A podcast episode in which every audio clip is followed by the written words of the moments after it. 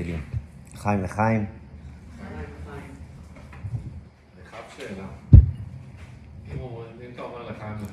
לא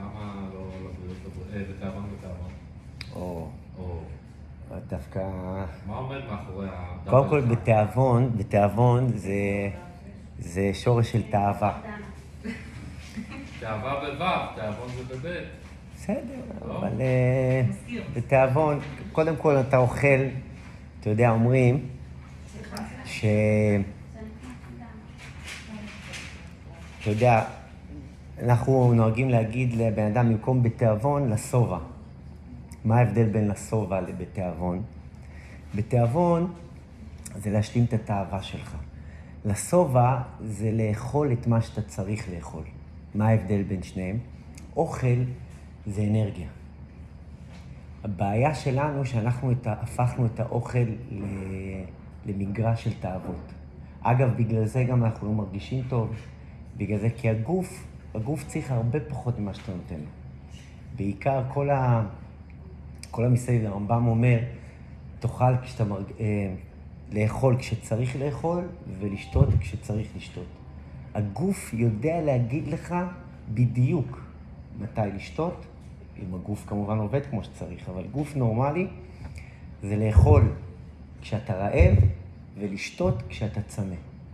למה? כי כשאתה צמא אתה צריך לשתות. זה לא רק כי, כי אתה צמא, כי הצמאון זה, זה, ה- זה התמרור של הגוף שאומר לך עכשיו אני צריך לשתות. מה הבעיה? שאנחנו שותים גם כשאנחנו לא...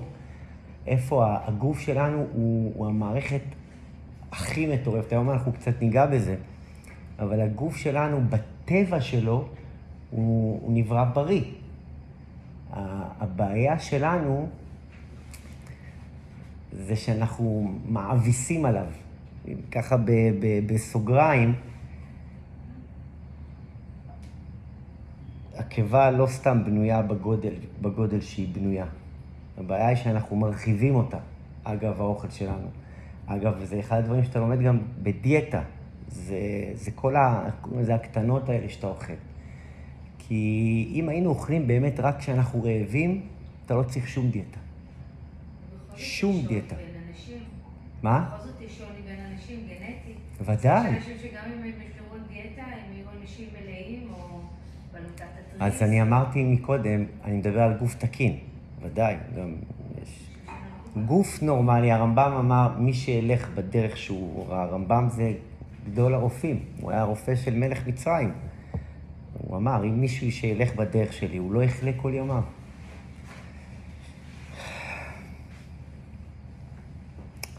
טוב, היום אנחנו אה, פרק ג'. אנחנו, אתם זוכרים באיזה מגרש אנחנו נמצאים? אנחנו נמצאים במגרש של הנפש האלוקית. היום האדמו"ר זקן כבר לוקח את זה למפת הנפש. איך הנפש שלנו בנויה. כשאני מדבר על הנפש האלוקית. וזו מערכת מאוד מאוד מסועפת, מורכבת, מאותגרת, אבל בסוף, בסוף, בסוף, יש מערכת הפעלה אחת. ואנחנו צריכים, לפחות מנסים, להבין את מערכת ההפעלה. איך מערכת ההפעלה עובדת. כי אם אני מבין את התוכנה, אם אני מבין איך התוכנה עובדת ואני מטפל בתוכנה, אזי ממילא כל הבעיות החיצוניות לא יקרו. כי אנחנו לרוב מטפלים בבעיות החיצוניות ולא בתוכנה. היום אנחנו נתחיל לגעת בתוכנה עצמה, בתוכנה עצמה של הנפש האלוקית. אמ, יש סיפור על הרבי הרש"ב, אחד מה, מהרבים של חב"ד, שבגיל מסוים, כשהוא התבגר, הוא הרגיש לא טוב. והיום קראתי שהוא הרגיש חולשה מאוד מאוד גדולה ביד השמאלית שלו, ולא יודע, כנראה היה צריך איזשהו רופא מיוחד שיטפל בו, והוא נסע במיוחד בשביל זה לווינה. והוא הגיע לווינה, ופרויד, סיגמון פרויד, שמע שהרבי הרש"ב הגיע לווינה, והוא הגיע אליו, הוא רצה לבקר אותו, כי הוא ידע שהרבי הרש"ב הוא מנהיג בתנועת החסידות. והוא נכנס אליו, למלון שהוא שהה בו, כנראה זה המלון שהוא שהה בו,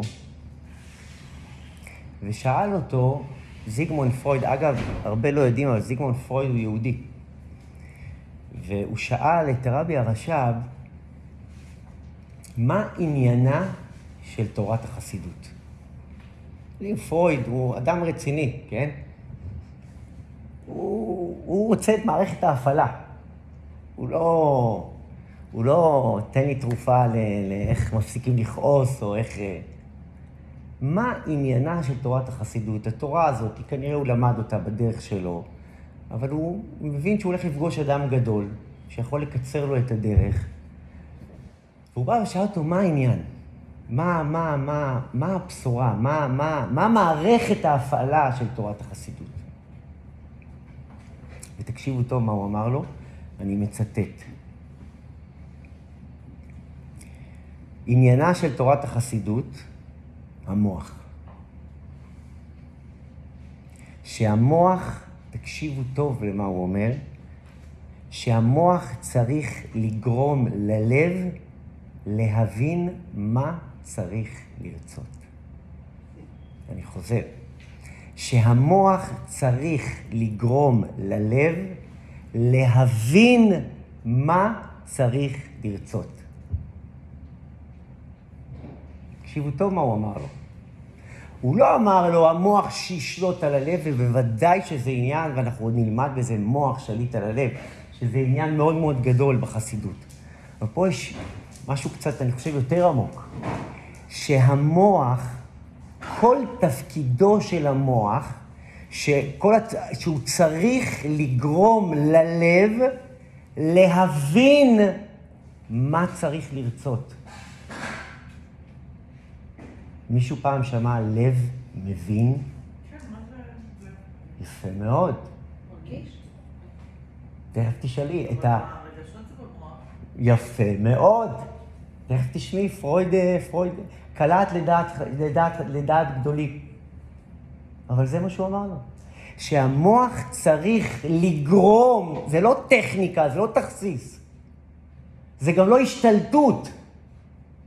זו עבודה פנימית של המוח בתוך המערכת שכל היסודות שלו בכלל זה רגש.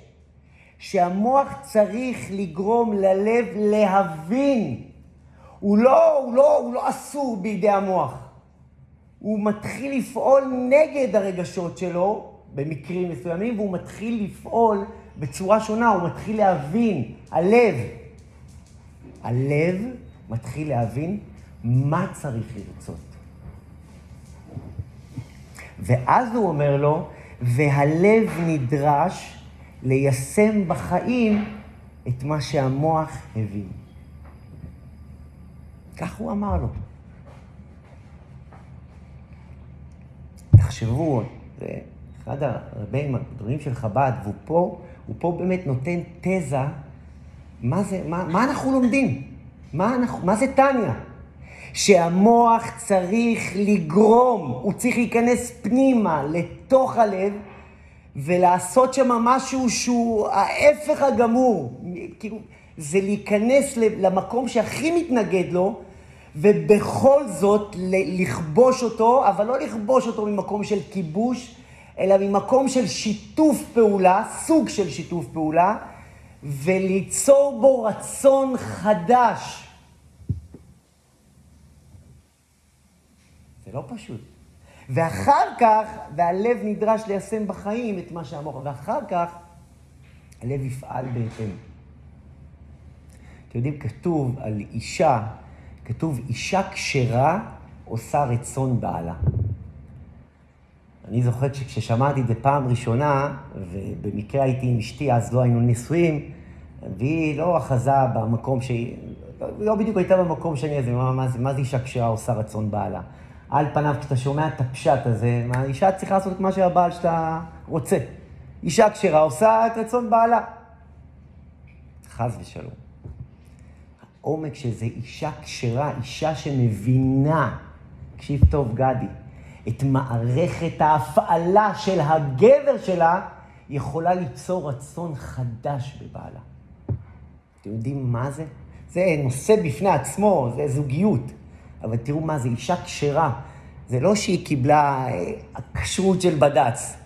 אישה כשרה, אישה כשרה, שרה אימנו, היא הבינה, היא הבינה מה מערכת ההפעלה. אישה כשרה עושה רצון בעלה, זאת אומרת שהיא יוצרת בתוכו רצון חדש. וזה ניסוי. וזה שיש רצון אחד בבית. אתם יודעים מה זה רצון אחד בבית? אתם יודעים מה זה? רצון אחד בבית, שולי, זה נשמע גבוה. אבל זה, אגב, זה באמת ניסויים. שיש רצון אחד, והיו לבשר אחד. שהבשר, הדבר הכל כך מלא תאוות, מלא רגשות, מלא אמוציות, ואני פונה לפה, והאישה פונה לשם, רצון אחד. אישה יכולה לעשות את זה. עכשיו תקשיבי, תזכירי את השם שלך, סליחה. איך? מירי, בדיוק מה שבאתי להגיד, האמת היא מרים. פרויד הסתכל עליו ואמר לו, איך אפשר? הלא הם שני עולמות וים גדול מפריד ביניהם. ככה אמר לו פרויד. הלא הם שני עולמות וים גדול מפריד ביניהם. איך אתה יכול לא רק לחבר אותם, לעשות אותם לדבר אחד, למקום אחד. איך זה יכול להיות? שאלה. אי אפשר שלא לשאול את השאלה הזאת. את הלב והמוח. ודאי. שהלב נכנס לתוך המוח ויוצר בו, וגורם לו, שהמוח נכנס לתוך הלב וגורם לו להבין שהלב מתחיל, אתם יודעים מה זה? תכף נוריד את זה, אבל אתם יודעים מה זה? שהלב, הרי בואו, כל כדור הארץ זה לב. כל העולם שלי זה לב, כל התאוות שלי זה לב, כל הבעיות שלי זה הלב, כל הכוח, הכוח הכי חיוני והכי חזק אצלי. אפילו שהמוח זה ההיגיון והשכל והמפקד והזה, אבל מי שמסבך אותי בכל הסרט הזה של החיים זה הלב. כי הלב זה הדבר הכי קרוב אליי, הכי תאהב. אני יותר בהמי מאשר אלוקי. הרי איך, איך אפשר ש... והלב, אנחנו הולכים אחריו, אנחנו שבויים בידיו. אנחנו פשוט מתמסרים לו, כי זה, כי זה, כי זה החיוני, זה הטבעי, זה ה... זה. בא לי, בא לי, בא לי, בא לי, ילד נולד, והדבר הראשון שהוא אומר, בא לי, זה הלקסיקון שלו. וגם אנחנו ילדים, אז בא לי, בא לי. אז תחשבו מה זה שהמוח מצליח להיכנס אל הלב ולגרום לו להבין. עוד פעם אני אומר לכם, הוא לא, הוא לא השתלט עליו, הוא לא סגר אותו ואמר לו ככה. וזה גם עניין, ואנחנו נדבר גם על זה. הוא גורם לו להבין מה צריך לרצות. אז פרויד אמר לו, איך זה יכול להיות? איך אפשר לחבר בין שני דברים שהם... אז הרבי הרש"ב אמר לו, בחסידות אנחנו בונים קשרים. זו תשובה. שומע שיר? בחסידות אנחנו בונים קשרים. והעניין, הוא אומר לו, להקים גשר בין המוח אל הלב. נכון, זה שני עולמות שונים, שני עולמות מנוגדים. כל עניינה של החסידות זה להקים גשר שיחבר ביניהם. והוא אמר לו, סלילי חשמל, אני מצטט את זה בלשוני, סלילי חשמל שיאירו את המוח.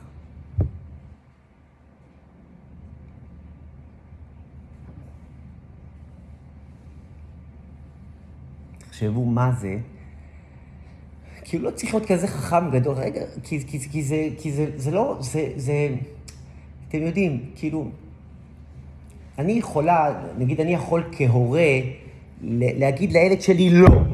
בטח כשהוא ילד והוא בתוך הבית שלי, ובטח ובטח אם הוא ילד קטן, אז אני יכולה לקבוע לו עובדה. לכבות לו את המסך, ואתה לא רואה עכשיו. הצלחתי? הצלחתי. עשיתי? עשיתי. הוא לא רואה מסך? הוא לא רואה מסך. זה חינוך? ממש לא. כל עניין החינוך זה שהילד מבין, שזה ההפך ממנו, אבל שהילד מצליח להבין שמסך פוגע בי, גם ברצונות שלי. לא פוגע בי להשיג ציון 100 בתעודת אה, חשבון, כי זה לא מעניין אותו בכלל. לא. זה, זה שהילד במקום הכל כך קטן וכל כך נחות וכל כך רגשי וכל כך כאן ועכשיו, להיכנס לתוך העולם ולדבר בשם אותה מטרה ולהגיד לו, תשמע, מה שאתה רוצה. כמובן, יש, יש, להגדיל את התקרות שלו וכו', אבל לגרום לו להבין שזה מה שהוא רוצה. כי אתם יודעים, ילד, ילד בטבע שלו זה לפרוק כל עול. ילד בטבע שלו לא רוצה מסגרת. סליחה, ילד בטבע שלו לא יכול עם מסגרת. וילד באמת שלו חייב מסגרת. אתם יודעים כמה מטפלים שמעתי? לא הרבה, לפחות שניים, מטפלים שמטפלים בילדים, שהיום הייתי אצל אחת כזאת, שהיא אומרת, שהם חוזרים על התזה הזאת, שילד מתחנן, הוא לא אומר את זה, הוא אפילו אומר ההפך, אבל ילד מתחנן לגבולות מההורים שלו. ילד בטבע שלו לא רק חייב ונכון וצריך, וזה אנחנו יודעים, ילד רוצה את הגבולות, הוא פשוט לא יודע לבטא את זה. אז, אז, אז המוח נכנס לתוך הלב וגורם לו להבין מה צריך לרצות, מה הוא צריך לרצות. עכשיו אתם יכולים לקחת את זה בכלל, כאילו, להרבה מסלולים בחיים שלי. אני יודע, ספורט. ספורט. אני יכולה לעשות ספורט, כי אני יודעת מה, אני יודע מה, אני רוצה להיות, אה, להיראות טוב, להיראות יפה, ל... ובדרך כלל כשזה מניעים כאלה, אגב, זה מניעים של הלב, ואני לא אומר עכשיו טוב, לא טוב, זה לא נכנס לזה. אבל זה יכול מאוד להיות קשור ללב, כי אני רוצה להיראות טוב, אני מדבר זכר ונקבה, וכמובן אני מתכוון לשניהם. אני רוצה להיראות טוב, ואני רוצה... אבל אתם יודעים שהספורטאים הדגולים, הם עושים ספורט לא כי הם, כי, כי, כי, כי, כי, כי זה משהו ש, ש, ש, שמרגיש להם, ממש לא. ספורטאי דגול מבין שהוא חייב את זה, הוא רוצה את זה, כי הוא מבין שזה הכושר המנטלי שלו. זה, זה, זה, זה, זה הבסיס שלו ל, ל, להגיע לכל יעד שהוא רוצה. ואגב, זה למה אתם רואים ספורטאים, ספורטאי באמת בנשמה שלו, אם הוא לא עושה ספורט, הוא, הוא, הוא משתגע. כי הלב שלו כבר שייך למקום הזה. אתם יודעים מה זה? כשהלב שלי מצליח להבין, וכשאני מצליחה לגרום ללב שלי להירתם, אין יותר חזק מזה בעולם. וזה הדבר הכי קשה.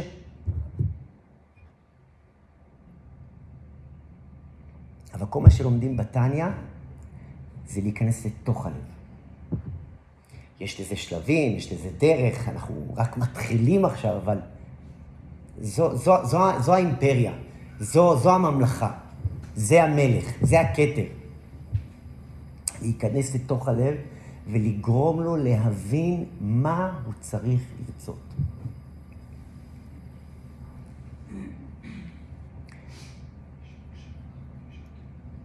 אנחנו אומרים הרבה פעמים שכשאתם יודעים, כשאדם עובד במה שהוא רוצה לעבוד, מה שאתה רוצה לעבוד, כשאתה עובד במה שאתה רוצה לעבוד, זה זכות. כי למה? כי זה מה שאתה רוצה.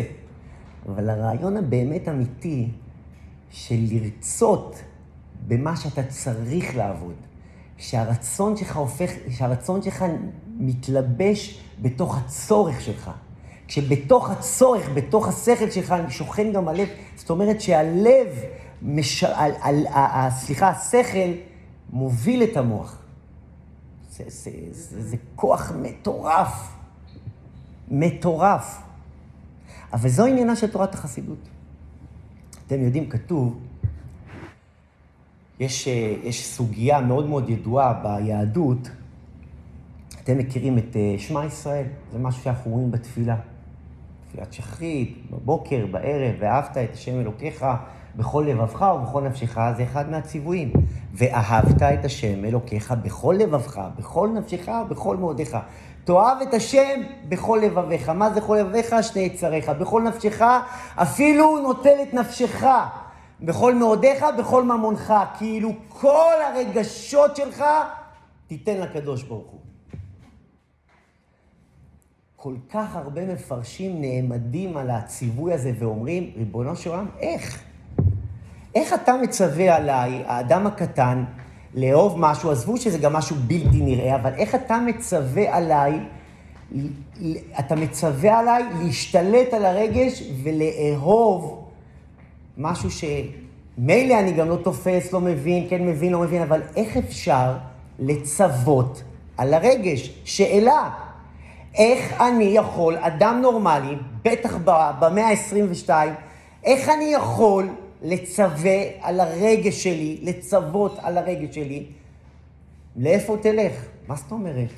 אבל אם אני לא מרגיש, ואם אני לא מתחבר, ובטח ובטח אם לא בא לי, מה זה תאהב?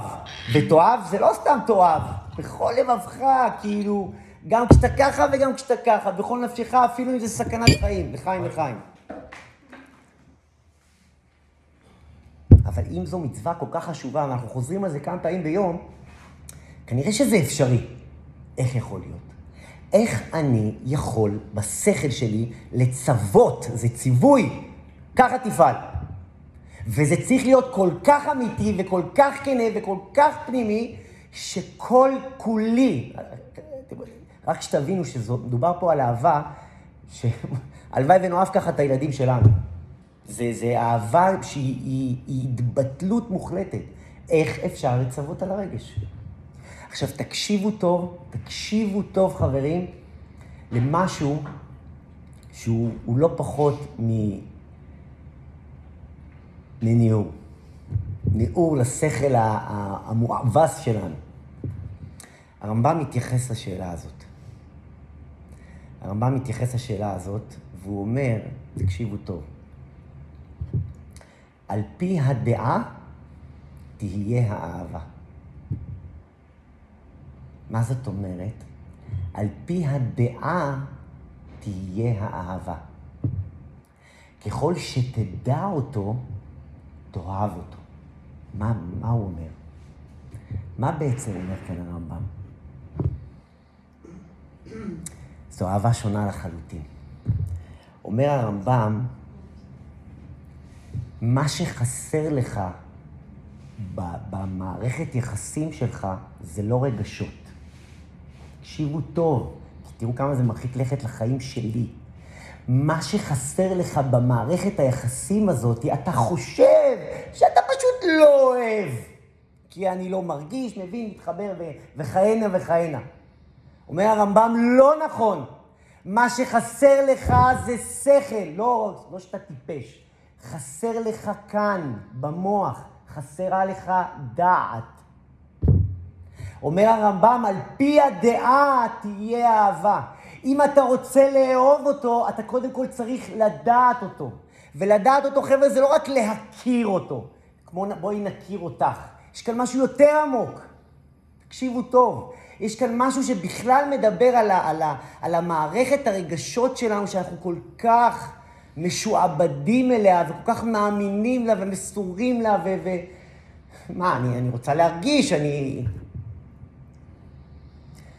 אומר הרמב"ם, אתה שומע, רועי?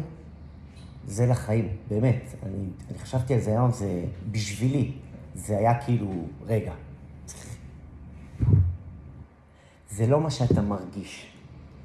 זה מה שאתה מלמד את השכל שלך להרגיש. אתם שומעים מה אני אומר? זה לא מה שאתה מרגיש, זה מה שאתה מלמד את השכל שלך להרגיש. מה זה אומר? אהבה זו לא תוצאה של רגשות.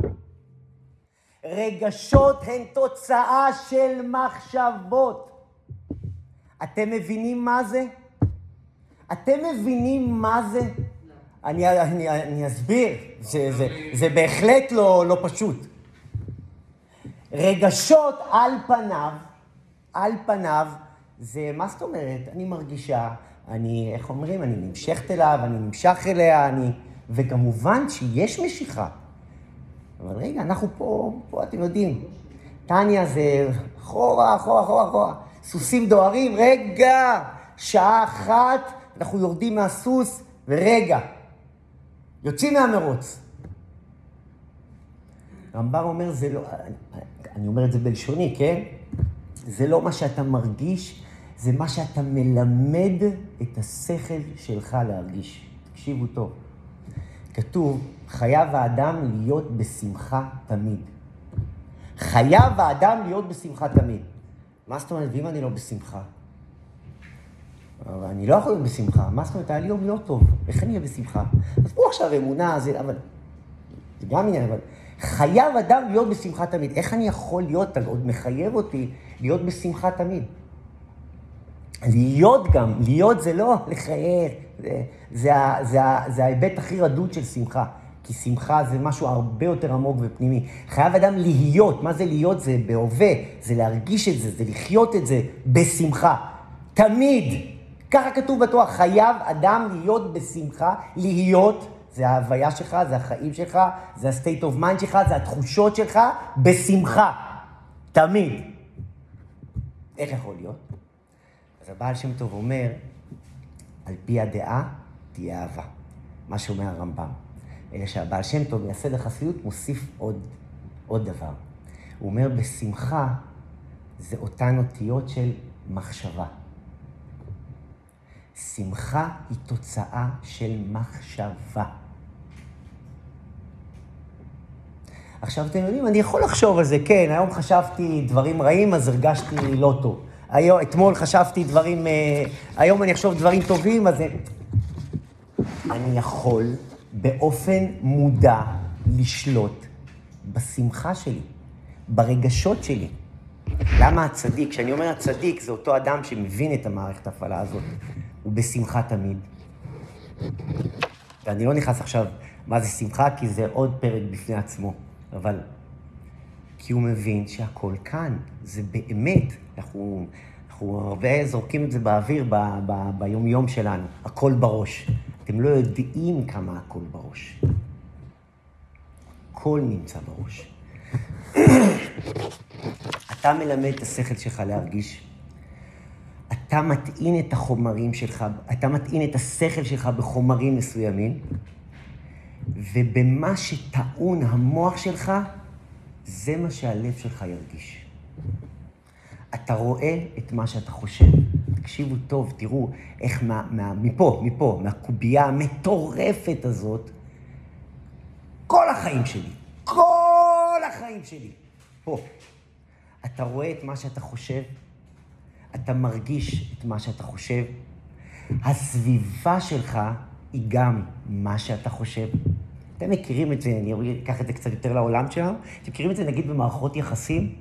שהבחורה, או כמובן, אני תמיד מתכוון לשני המינים, או הגבר מרגיש, או הבחורה שהיא היא, היא כל הזמן נופלת עם, עם, אה, אני יודע מה, עם גברים אה, שלא מתייחסים אליה יפה. עם גברים ש... ש... מכירים, או הגבר, תמיד הוא נופל עם נשים כאלה וכאלה וכאלה וכאלה. זה המחשבות שלך. איך שאת חושבת, איך שאת תופסת, אם אני מדבר בהקשר זוגיות, איך שאת תופסת את עצמך בתוך התבנית הזאת, זו התבנית שתקיף אותך. יש משפט בחסידות שאומר, אם אתה מאמין שאתה יכול, אתה תוכל. אם אתה מאמין שאתה לא יכול, אתה לא תוכל. מה זה אומר? תקשיבו טוב, יש שיחה שמדברת, מה זה? ברור, על פעם, אם אני מאמין שאני יכול, אז אני יכול, אם אני מאמין שלא יכול, לא. אם אתה מאמין, אומרת החסידות, אם אתה מאמין שאתה יכול, כל העולם יירתם לכך. שאתה תצליח. אם אתה מאמין, תקשיבו טוב, שאתה לא יכול, כל היקום כולו יירתם לאותה אמונה. הוא יוכיח לך שאתה לא יכול. חבר'ה, כאילו, לא יודע, לי, לי באופן אישי זה כאילו, אני, אני קורא את זה, כן? אני לומד את זה יחד איתכם, אבל מה זה גורם לי להרגיש? כאילו... וחבר'ה, טניה זה לא מנטרות. אדמו"ר הזקן לא משאיר לבנה, מילימטר של לבנה. אדמו"ר הזקן מוכיח את זה בדרכו אחד לאחד, אחד לאחד. איך זה אשכרה, זה, זה, זה באמת להנדס את המוח מחדש. אבל לפני שאתה מהנדס את המוח, קודם כל תבין מה זה המוח. זה, זה, זה, זה באמת, כל החיים שלך זה המוח שלך, זה מה שנמצא במוח שלך. אתה תאכיל אותו ברפש, חייך יהיו כאלה. לא זוכר, היום חיפשתי את הציטוט הזה. אחד המשפיעים הגדולים, רבי שלמה קסם, הוא נותן מאמר, מה זה מוח. והוא שם, אני לא זוכר את הלשון היפה שלו, הוא אומר, איך אתה נותן לבן של מלך לאכול רפש של בהמה? אתה יודע מה זה מוח?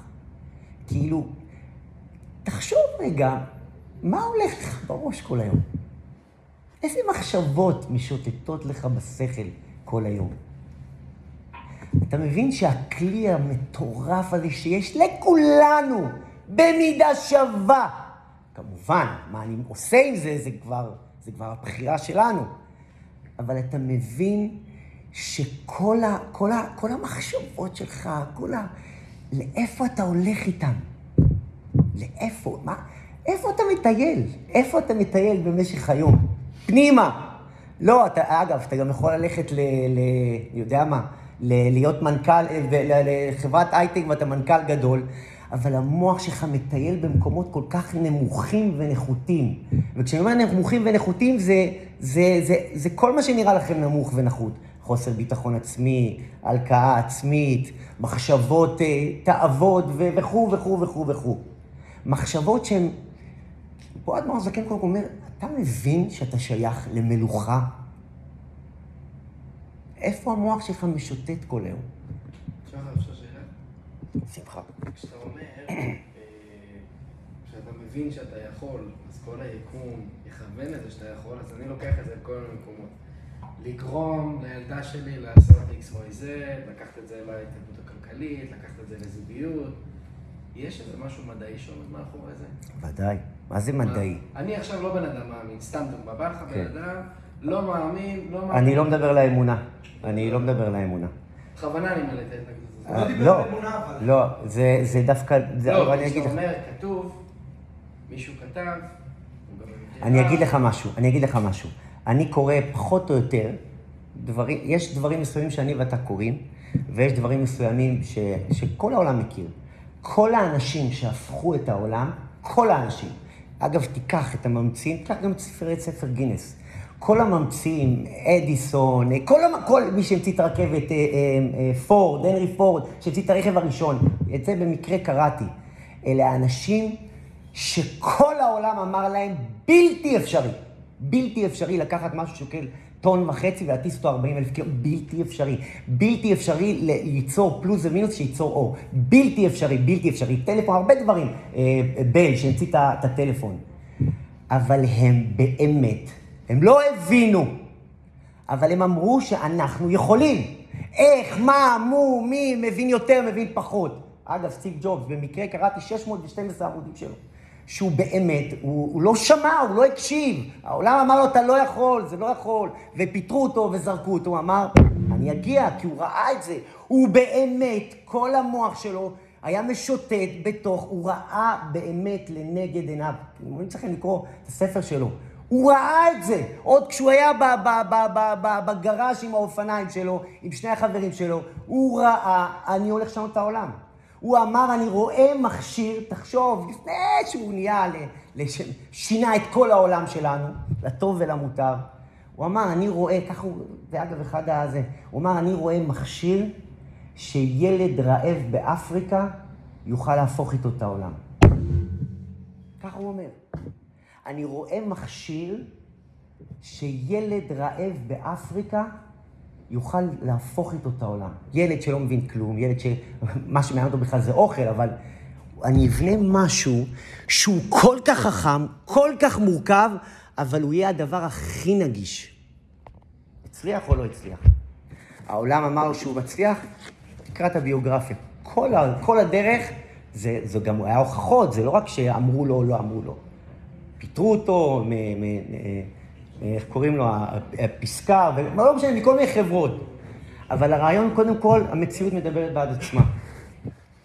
כשאני אומר לך תאמין בעצמך, זה תאמין, אבל זה, זה, זה, אני יכול לקרוא לזה גם מדעית.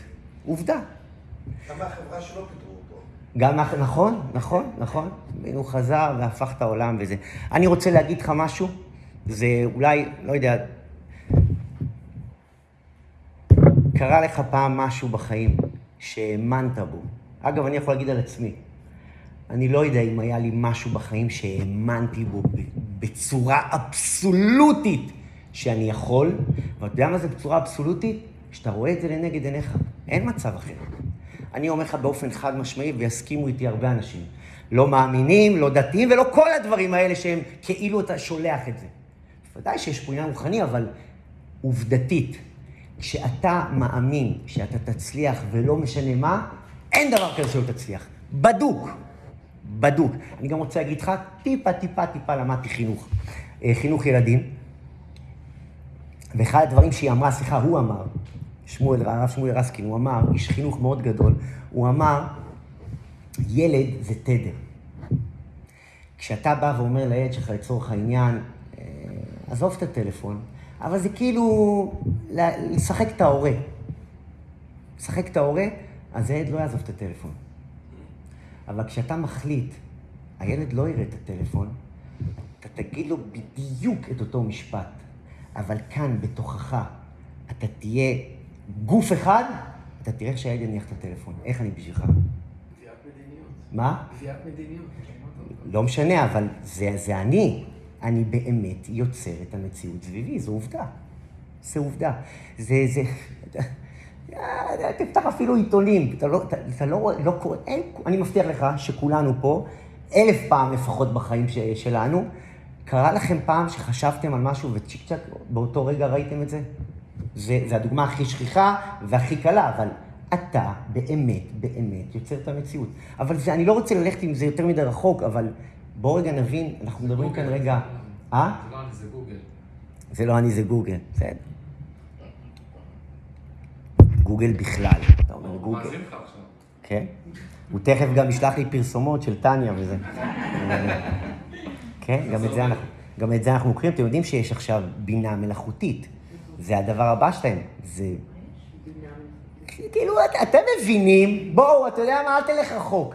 מה שגוגל ועוד הרבה כאלה מטורפים, הם עושים משהו שהוא לא קשור לטבע. הוא לא, הוא לא. גם הדבר הזה שאין היום ילד שאין לו את הדבר הזה, זה משהו שהוא הוא, הוא מעל הטבע. אנחנו פשוט כל כך אוטומטיים, אבל זה משהו שהוא מעל הטבע.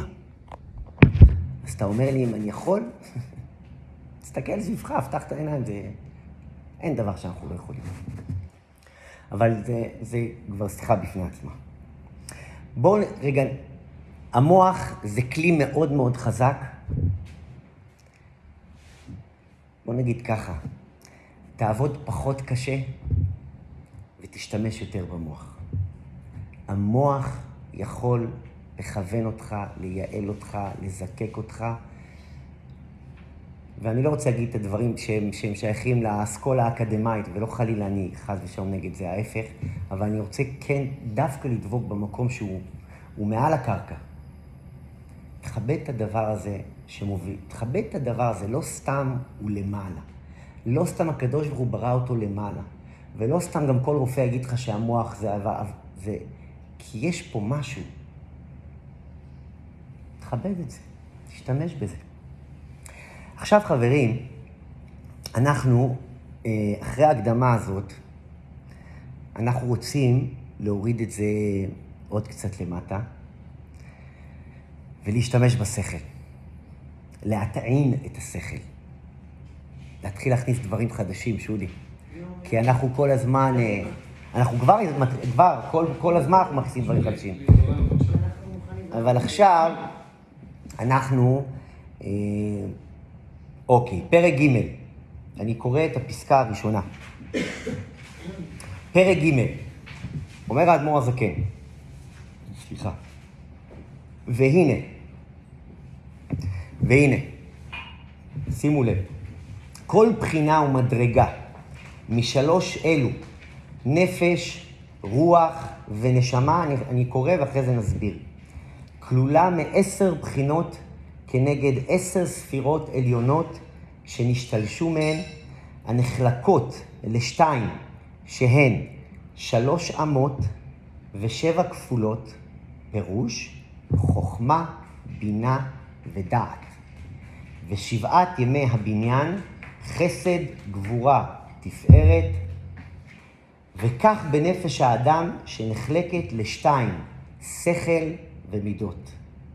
השכל כולל חוכמה, בינה ודעת, והמידות הן אהבת השם, פחדו ויראתו ולפארו. וחב"ד נקראו אמות ומקור למידות, כי המידות הן תולדות חב"ד. בואו נסביר. קודם כל אנחנו, אתם כבר שמעתם את חב"ד, יש תנועה כזאת שנקראת חב"ד. עכשיו תבינו גם למה קוראים להם חב"ד. אני כתבתי פה בעצם את מה שקראנו. זו מפה, זה מבנה הנפש. מבנה הנפש, אה, אפשר להגיד על פי קבלה. קודם כל, הרעיון הוא שכתוב, האדם נברא בצל, בצלם אלוקים ברא את האדם. אני האדם, היצור התחתון, נברא כבבואה של הקדוש ברוך הוא. אז רק, קודם כל, רק תבינו. תכף האדמו"ר הזקן גם יראה לנו איפה, אבל אני תעתיק שלו, בבחינה מסוימת. אני האדם בצלמו. אני הצל שלו, סוג של צל שלו בצלמו. אז רק שתבינו, כאילו, אה, איפה אני, אה, איך תופסים אותי, בסדר? אני בצלמו. עכשיו אומר האדמו"ר הזקן, כל המערכת ההפעלה הפנימית שלי היא בעצם שיקוף. אני קורא את זה בלשון שלי, כי, כי הקדוש ברוך הוא זה אינו גוף ולא השיגו משיגי הגוף, אבל קצת להפשיט ולהוריד את זה אלינו, סוג של שיקוף של מה שקורה למעלה. עכשיו תסתכלו על הדף. את האדם, אני מסתכל עכשיו מלמטה, נפש, רוח, נשמה. נפש זה הדבר שהכי קרוב אליי. זה עולם המעשה. זה אני, אני הכי קרובה אליי. את עושה. את הכנת עכשיו את השיעור, את הכנת בית, את הכנת זה, זה משהו שהכי קרוב אליי. את, זה הכי, הכי מוחשי, הכי חומרי. נפש זה המעשה. אחרי הנפש, אפשר לקרוא לזה, אני עולה לרובד קצת יותר עמוק, זה הרוח. רוח זה עולם הרגש. זה, אתם מבינים כמה הרגש הוא, הוא דומיננטי אצלי, אבל רגש הוא בלתי נראה. מישהו ראה פעם אה, רגש של אהבה? מישהו פעם ראה, ראה, מישהו פעם נגע בכעס? מישהו פעם נגע בשמחה? מישהו פעם נגע ב... הוא מרגיש, ודאי, אבל זה לא. כי אם אני מדבר, שימו לב, זה לא סתם תשקיף, כי, כי זה יוליך אותנו בהמשך הדרך. נפש זה מעשה, זה הפרקטיקה, זה העולם שאנחנו, שלנו. וזה עולם מאוד מאוד חשוב, שלא תטעו, אבל זה עולם הלמטה. אחר כך זה הרגש. מה יותר חשוב ממה? רגש או מעשה? תשאיר את השאלה הזאת פתוחה. אבל רגש זה משהו מאוד מאוד מאוד מאוד חשוב, אבל הוא לאט לאט, הוא בלתי מוחשי. אבל הוא חי ונושם, והוא, והוא בטח ובטח מניע אותי, משפיע עליי וגם משפיע על המעשה שלי. למעלה נמצאת הנשמה. הנשמה זה עולם השכל, המוח. הנשמה זה לא... לא, אנחנו, יש, יש, קודם כל יש לזה הרבה בחינות. אגב, המילה הזאת בחינה, אני הסברתי את זה בקבוצה אחרת. בחינה זה, אנחנו עכשיו הולכים באיזושהי מנגינה מסוימת. ואנחנו רוצים להעביר כאן איזושהי נקודה. ויש מעשה, רגש ושכל. שכל נמצא למעלה, רגש. זה מסתדר עם התרגום של נפש רוח ונשמה. נכון, כי את חושבת נשמה זה יותר אה, זה. ברור. שכל, שכל. יפה מאוד. כי את חושבת שהשכל שלך הוא נמוך. לא, לא חלילה שהוא נמוך. לא שחס ושלום, לא התכוונתי גם לזה. לא, כי אני מתייחסת... סבבה, אבל יש... אני רואה מעבר לשכל שיש נשמה שהיא הרבה יותר... נכון. קודם כל את צודקת, כי באמת נשמה זה משהו שהוא יותר מתרחק ממני. אבל... נכון, נכון, נכון, נכון, נכון. שכל זה משהו שמאוד מאוד קשה לתפוס אותו, אבל הוא כל כך חזק. הוא כל כך חזק והוא אינסופי. זה שיקוף של הנשמה. שיקוף של הנשמה. הכל פה שיקוף. זה שיקוף. עכשיו, מתוך אותה מערכת, מתוך אותו גוף, אני עולה למעלה, ושימו לב, אני מתפצלת, אני מכילה שבע מידות. אתם לומדים פה שפה חדשה. מידה, כמו מידה של אה, להבדיל ג'ינס או זה, מידה, בקבלה קוראים לזה רגש. מידה זה רגש. כמה, כמה אתה לצורך העניין כועס, כמה מידת הרגש היא דומיננטית אצלך. האדמו"ר הזקן פה עכשיו מתחיל קודם כל לראות מה הרגשות הדומיננטיים שלך. כל אחד, תכף כשנדבר עליהם, ואני מדבר עליהם אגב בקצרה, כי כל אחת מהן זה עולם ומלואו. אבל רגע להבין את המפה. מה הרגשות הדומיננטיים שלי, ויותר אם אני אקח את זה למקרו, איזה טיפוס יותר אני? האם אני טיפוס יותר רגשי? האם אני טיפוס יותר פרקטי? או האם אני טיפוס יותר חושב? לאיזה רובד אני נותן יותר מקום בחיים שלי? לרגש, למעשה או למחשבה? ותזכרו איך התחלנו את השיעור.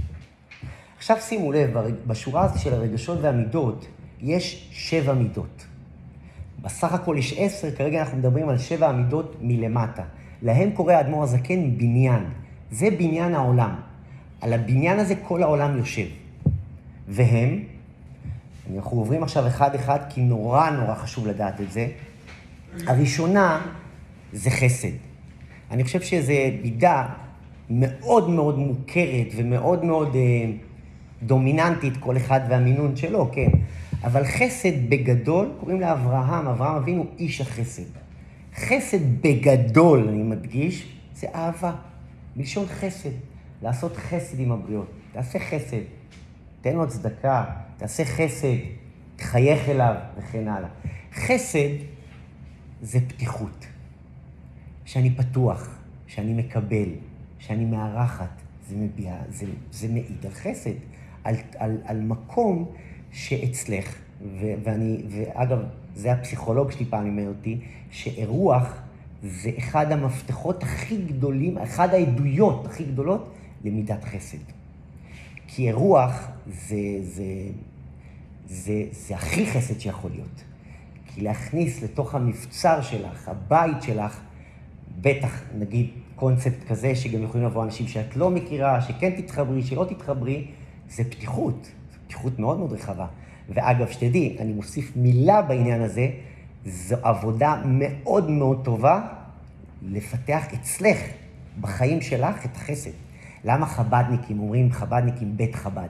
היה פעם אחד, אני חושב, הרב שלמה קונין, שבא אמר לרבי, אני לא זוכר איך הוא אמר לו, על בית חב"ד, אז הרבי אמר לו, אני לא זוכר את השם, אמר לו, תוציא את הדלת משם. אין דלת. כל מי שנכנס, נכנס. כל, זה, זה בית חב"ד. עכשיו, זה לא סתם, כי אהבת, ודאי, אהבת ישראל מקבל, אבל כשאני, כשאני מארחת, כי אני לא מכניסה רק למקום הפיזי, אני מכניסה למרחב שלי. וכשאת מכניסה למרחב שלך, זה גם אצלך באמת, באמת, בלב, מזיז אותו קצת. כי את חייבת לעשות מקום. אלא אם כן, את יודעת, יכולה להיות גם מארחת של מה הוא עושה פה, ומי זה, ולא הזמנתי, ולא זה, אבל זו עבודה מאוד מאוד טובה. אחרי החסד בא הסמן הקיצוני, שמאלה. גבורה. גבורה זה סגירות. גבורה זה קפדנות. אותו אדם שהוא מקפיד, שהוא בא בגבורות. איחרת, אל תבוא לעבודה. אני לא אוהב ככה. אני, אני ואני ואני ואני. לבוא בגבורות, זה בדיוק ההפך מחסד. אגב, אנחנו עוד נדבר על זה בהמשך, יש, זה עולמות נפרדים, שימו לב. והתפקיד שלנו בעולם, בעולם, סליחה, זה לכלול אותם ביחד. מה זה לכלול אותם ביחד? זו עבודה, קוראים לזה עבודת ההתקללות. לקחת את קצת מהחסד, קצת מהגבורה. עם הילד שלך, אתה צריך, חייב שיהיה לך גם חסד וגם גבורה. גם לתת לו מה שהוא צריך, גם להתייחס אליו לצורך העניין, אבל גם לקחת ממנו כשצריך לקחת ממנו. זו תנועה שצריך לעשות לה התקללות. אחר כך יש תפארת.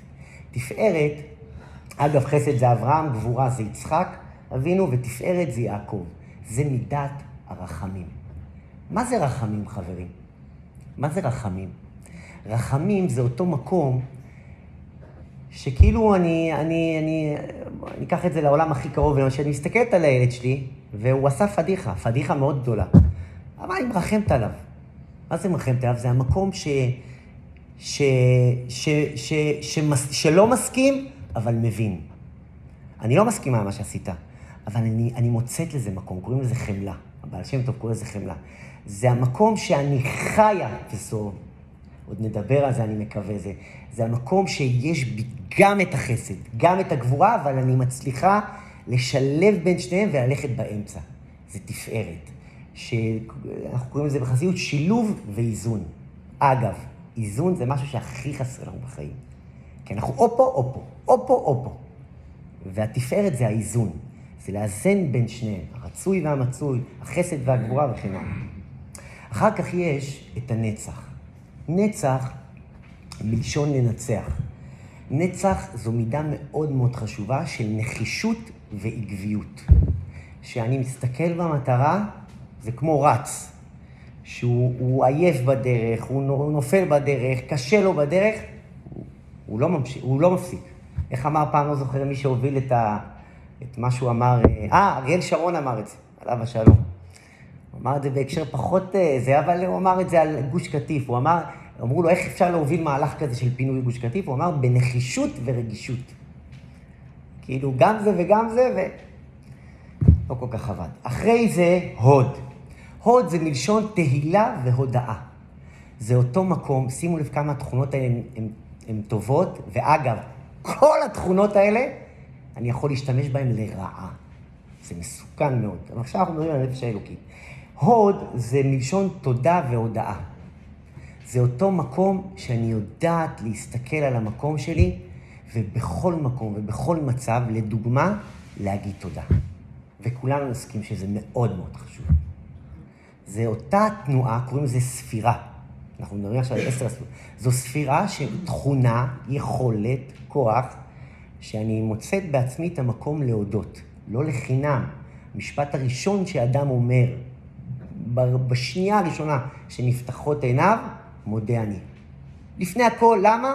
כי זו האנרגיה, ש... זה, זה, זה ה-state of mind שאתה צריך, שצריך להוביל אותך כל היום. כי אם אתה בבחינת מודה אני, זה, זה כל היום נכנס לתוך, לתוך אותו מסלול. ולא נרחיב כי זה לא עניין. אחרי זה יש יסוד. יסוד זה מלשון יסודי. מה זה אדם יסודי? אדם יסודי זה אדם שהולך אל היסוד.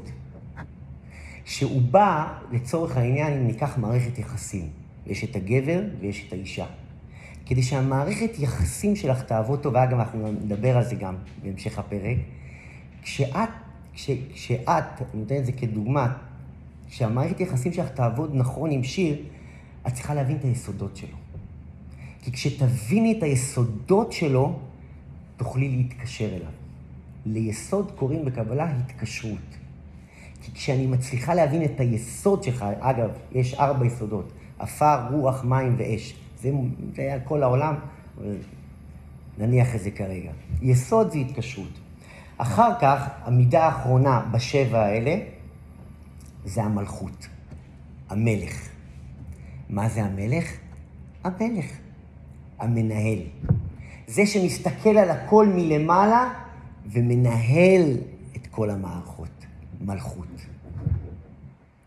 זה, לקחתי את זה לעולם שלנו. עכשיו, שימו לב, אני עולה כאן למעלה, ואני הולך, קורא לזה האדמו"ר הזקן קודם ממה שקראנו, לאימא. מה זה האימא? אם זה הבניין שאנחנו משתמשים בו, כל הבניין הזה, האימא שלו, האימא של כל הביטויים האלה, הכלים האלה, שפעם אני, שפעם אני בחסד, פעם אני בגבורה, פעם אני בתפארת, פעם אני בנצח, פעם אני בעוד, עצבני, כועס, אוהב, מתחבר, לא מתחבר, זה, לכל זה יש אימא. יש את הילדים שמסתובבים, ויש ילד אחד כזה, ויש ילד אחד כזה, ויש... אומר האדמו"ר הזקן, לכל הילדים יש אימא. והאימא הזאתי, יש לה, אני קורא לזה בלשוני, שלושה שמות. וזה היסוד של כל ספר התניא ושל כל מה שאנחנו יודעים, בטח ובטח בפרק הזה. חוכמה, בינה ודעת. עכשיו שימו לב. כל מה ש... טוב, אחרי זה אני אגיד. כל מה שאנחנו מדברים פה עכשיו, חבר'ה, זה בבואה של מה שנמצא למעלה, אצל אלוקים, ונמצא גם אצלי. חוכמה, בינה ודעת. עכשיו, זה השכל. עד עכשיו למטה דיברנו על רגשות. רגש של חסד, רגש של גבורה. למעלה, מעל הרגש, מה נמצא? השכל. שכל, תקשיבו טוב, וכאן אומר האדמו"ר הזקן, וזה החלק השני של השיעור, שכבר לא נגיע אליו, כי אנחנו כבר לקראת סיום. אומר האדמו"ר הזקן, מעל הרגשות שולט השכל. השכל, אם אני אקרא לזה בלשון שלי, יש לו לא שתי עונות, שלוש עונות. שלוש, שלוש, שלוש חד, שלושה חדרים. חוכמה, בינה ודעת. בגדול, החלק השני של השיעור מסביר כל אחד ואחד מהחדרים האלה, מטורף. חוכמה, תראו גם מה כתבתי, חוכמה זו הטיפה. כשגבר ואישה מתייחדים ורוצים להביא ילד לעולם, מתי זה מתחיל? כשיש טיפה. טיפה זו טיפה, ממש טיפה קטנה של נוזל, וזו טיפה, אבל שימו לב, זה פלא בפני עצמו, כן, וגם דיברנו על זה, זו טיפה שכל האדם וכל העולם האינסופי שלו נמצא בטיפה. אני, כשאני קראתי את המשל הזה, זה משל כל כך גדול וכל כך מובן, אבל תבינו שבטיפה נמצא כל הסיפור. מה זה בטיפה? טיפה זה החוכמה, זה השכל. קוראים לזה בקבלה ברק המבריק. זה רעיון שנופל למטה, והוא רק נופל, זה רק הדבר עצמו. החוכמה, הרעיון. שנופל רעיון, קופרייטר יודע מה זה רעיון, אתה יודע, שנופל לך הרעיון, אתה לא יודע להסביר, אתה לא יודע, אבל נופל הרעיון. החוכמה זה אותו מקום, זו אותה טיפה שנפלה, כמובן בתהליך ההולדה, זה עבר לגוף האישה. אבל שם נמצא כל הסיפור, בשכל, בטיפה, בחוכמה, כל העניין, ולשם אנחנו גם מכוונים, אבל מה לעשות? יש עוד דברים שצריך... מה עושים עם הטיפה הזאת? מה קורה עם האישה? האישה קיבלה את הטיפה הזאת, ומה עושה הגוף? מה עושה הרחם? מפתח אותם. לזה, קורא, לזה קוראים בחסידות הבינה. זה הרחם. הרחם זה אותו מקום שלוקח את הטיפה ומתחיל לפרק אותו ולבנות ממנו דבר. מתחיל ליצור ממנו דבר. פלא. זה הרחם. בינה, אגב, אומרים גבר ואישה זה חוכמה ובינה. הגבר הוא החכם, לאו דווקא במקום של החכם, אבל הוא הפרקטיקה, והאישה זה הבינה. האישה זו, זה, זה, אנחנו גם יודעים את זה. האישה זו זאת שמסתכלת מסביב, מבפנים. כמו שאמרתי פעם, הגבר, הוא שואל כמה אנשים צריך לארח ושם כיסאות. האישה כבר יודעת מי להושיב ליד מי, נכון? זה עיצוב. עיצוב זה בינה, כי זה לא רק לשים מנורות. איזה אופי אל הבית, מי אתם, מי האנשים שגרים בו, זו הבינה. והדעת, שזה הדבר, אגב, הרבי פעם אמר, אנחנו דור של דעת. שהדבר הכי חשוב כאן זה הדעת. זה מה זה? בתהליך ההולדה. התינוק שנולד, הילד, התוצאה, התוצאה של הדבר. חוכמה, בינה ודעת. הייתי מאוד מאוד רוצה להמשיך איתכם, כי זה, זה מרתק, כאילו, כי זה, איך, מה זה לפרק את זה, את החוכמה, את הבינה, את הדעת, אבל זה, זה, זה, זה, זה, זה מורכב, אנחנו כבר נשאיר את זה לשיעור הבא, אבל רגע נניח את זה. חוכמה זו אותה טיפה, זה אותו רעיון, אחר כך הבינה זו שמפתחת את הרעיון, והדעת זו שמורידה את זה למטה, זו שעושה עם זה, יוצרת עם זה משהו. נסכם את השיעור. מישהו רוצה לסכם את השיעור? מרים, התפקיד שלך הוא... אגב, את יודעת, בכל שיעור יש לנו איזה מישהי שמסכמת, אומרת מה היה, איך היה. אני, אני יכול גם לסכם בעצמי, כן? אבל אני... נכון.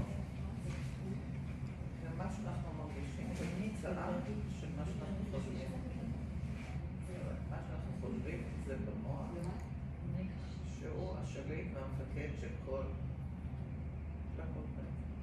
נכון, מאוד, אבל אני חושב שלי באופן אישי, מה שהתחדש, ממש התחדש פה, תראי, אנחנו, בכל ספר שתפתחי ובכל גוגל שתפתחי, תכתבי משפטי השראה, אז תראי, you can do whatever you want to do, just believe, נה נה נה. אנחנו מכירים את זה.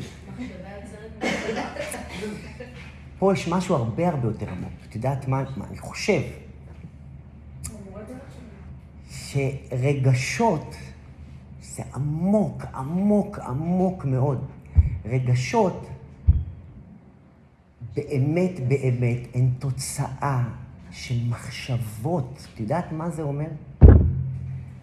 זה לא, אני, אני, אני לוקח את זה במקום הכי כאילו, נגיד, קרוב אליי, כאילו, אני מכירה אישה, אני מכיר אישה, או את מכירה גבר, כאילו, אני צריכה להרגיש אליו. נכון, ודאי, שלא תטעו, אני לא אומר שאת לא צריכה, אבל רגש זה תולדה של מחשבה. וכאן זה מרחיק לכת, את יודעת למה, מרים? כי, כי החיים שלי הם באמת תולדה של המחשבות שלי. אין כאן שום דבר, איך הרב שרוף תמיד אומר, אין דבר כזה גורל, נפלת לגורל. יש כמובן דברים, תיקונים, אבל לא נכנס לזה. אנחנו גם בחב"ד פחות נוגעים בעולם הזה.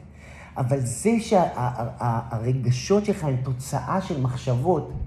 אתם יודעים, יש פרק שמדבר על שמחה. וואו, זה פרק מטורף, ששם האדמו"ר הזקן אומר שכל עניין הרגשות זה מאה אחוז שכל, דעת. שאנחנו בכלל חושבים שהיה לי יום טוב, היה לי מגניב, היה לי... זה, לא, זה לא קשור בכלל, זה לא שמחה. יש כאן משהו מאוד מאוד עמוק, זה הרבה יותר עמוק, ודאי שאני יוצר את המציאות, אבל החיים שלי, הם, כל מה שקורה סביבי, זה תוצאה. לטיולים שהמוח שלי נמצא, זה המון, זה, זה, זה צריך באמת.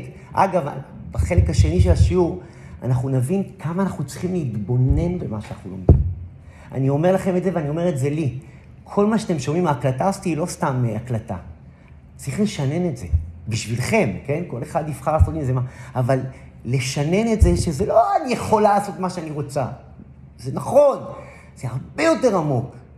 כל מה שקורה סביבי היום שלי, זה תוצאה של מה שמתחולל לי בתוך הראש. זה לאיפה שאני לוקחת את החמורים שלי, לאיפה שאני דוהרת במוח. הילדים שלי, הגבר שלי, האישה שלי, ה... זה, זה, זה, זה המון. איפה אתה משוטט במשך היום? זה... ולשמה, ולשמה אני צריכה לכוון. ולשם אני צריכה לכוון עם הילד שלי, עם הבן זוג שלי, אל המוח, לשם, כי שם נמצא הבעיה. אני לא אומרת לו, תקנה לי פרחים. אני רוצה להבין למה הוא לא חושב על זה בכלל. אני לא רוצה להגיד לילד שלי, אתה חייב ציונים. אני רוצה להבין למה העולם שלו כזה, למה, למה הוא נמצא, למה זה פחות מעניין אותו, ולאותו מקום, אני זה, אתם יודעים, מה שהרש"ב, הרבי הרש"ב אמר, וזה באמת, לגרום ללב להבין, איך, אני בכוונה כתבתי את זה, כאילו, שהמוח צריך לגרום ללב להבין מה צריך לרצות. זה אגב, זה הרבה הרבה יותר מרים מ"אתה הכל יכול". תבין שהמוח שלך יכול לעשות משהו שהוא מעל הטבע. הוא יכול לספר, הוא יכול ליצור תאוות חדשות ללב. זה אפוקליפטי. זה אפוקליפטי. זה, זה שליטה מוחלטת. עכשיו בואו, זה לא שעכשיו אנחנו נצא מהשיעור וזהו, אני עכשיו... אה, לא, ממש לא. אבל נורא נורא חשוב שנבין מה היכולות שלי. כי אגב זה, אנחנו משתלשלים, ועם זה, עם, עם הרכבת הזאת, עם, ה, עם הביליב הזה, אנחנו לומדים את הטניה. יש מישהו שרוצה לשאול משהו, כן. להעיר משהו? בבקשה, שיר. חיים לחיים. אה, בעברית פשוטה, אני שואל, בעברית פשוטה אתה אומר לי, שיר אל תאמין למה שאתה מרגיש? לא, אני אגיד לך, ממש לא. אני אגיד לך מה כן אומרים. קודם כל, אתה שואל שאלה מצוינת. הרגשות, תראה, אה, הרגשות, קודם כל מה שהיא אמרה, הן תולדה של המחשבות. כל מה שהיא אומרת, היא צודקת. אה, כן. אני יכולה להסביר את זה בדרך, נגיד הפסיכולוגיה הקוגניטיבית, אומרת שיש אירוע, ואז האירוע גורם לך לרגש, ואז, ואז מהרגש זה עובר למחשבה, ואז המחשבה עוברת להתנהגות. נגיד, רציתי, מישהו התקשר, רוצה לצאת איתי, התארגנתי, התלבשתי, התלבשתי, הוא מתקשר ומבטל לי ברגע האחרון. באסה, כולם היו מרגישים באסה מזה, ועכשיו המחשבה שלי יכולה להיות, הוא לא רוצה אותי, אף אחד לא רוצה אותי, נה נה נה נה, ואז ההתנהגות שלי יכולה להיות דיכאון או התבוננות. מצד שני, הוא יכול לבטל, ואני יכולה להגיד, לא בא לו בסדר, או אולי הוא לא יכל, לא משנה, להגיד לי מה שאני רוצה להגיד, ולא להיכנס לזה, להגיד, אני כבר לבושה, אני מתקשר לחברה, אני אצא. אני אשנה את הרגש שלי למשהו חיובי ולמחשבה אחרת. זה כאילו הפסיכולוגיה הקוגניטיבית מאוד, וזה מאוד כאילו מזכיר את זה. לגמרי. אני אגיד לך משהו, אה, שיר. אני, אני צריך, זה כבר עבודה פנימית וזה... שאת זה- שולטת בו, אבל בדרך כלל הוא שולט בנו. זה הפוך, זה כאילו הרגש, ואז. אתה צריך עם הראש שלך לה- לה- לה- להסביר לו מה אתה צריך להרגיש. אנחנו צריכים להיכנס פנימה, וזה זה יכול להימשך גם חיים שלמים. אבל כשמתחילים עם מוטניה, אז מתחילים רגע קצת אה, למשוך כתפיים. אני צריך להבין, בוא נגיד, איך אני אגיד את זה, כמה הרגשות שלי הם... לאיזה עולם הם שייכים. כמה הרגשות שלי הם רגשות נמוכים לצורך העניין, וכמה הרגשות שלי הם... לא- לאיפה הן מושכות יותר, למעלה או למטה. ואז ממילא אני אשאל את עצמי אם אני צריך להקשיב לזה או לא. אבל קודם כל, אנחנו מתחילים עם המוח. אבל... בבקשה, מרים. חיים לך.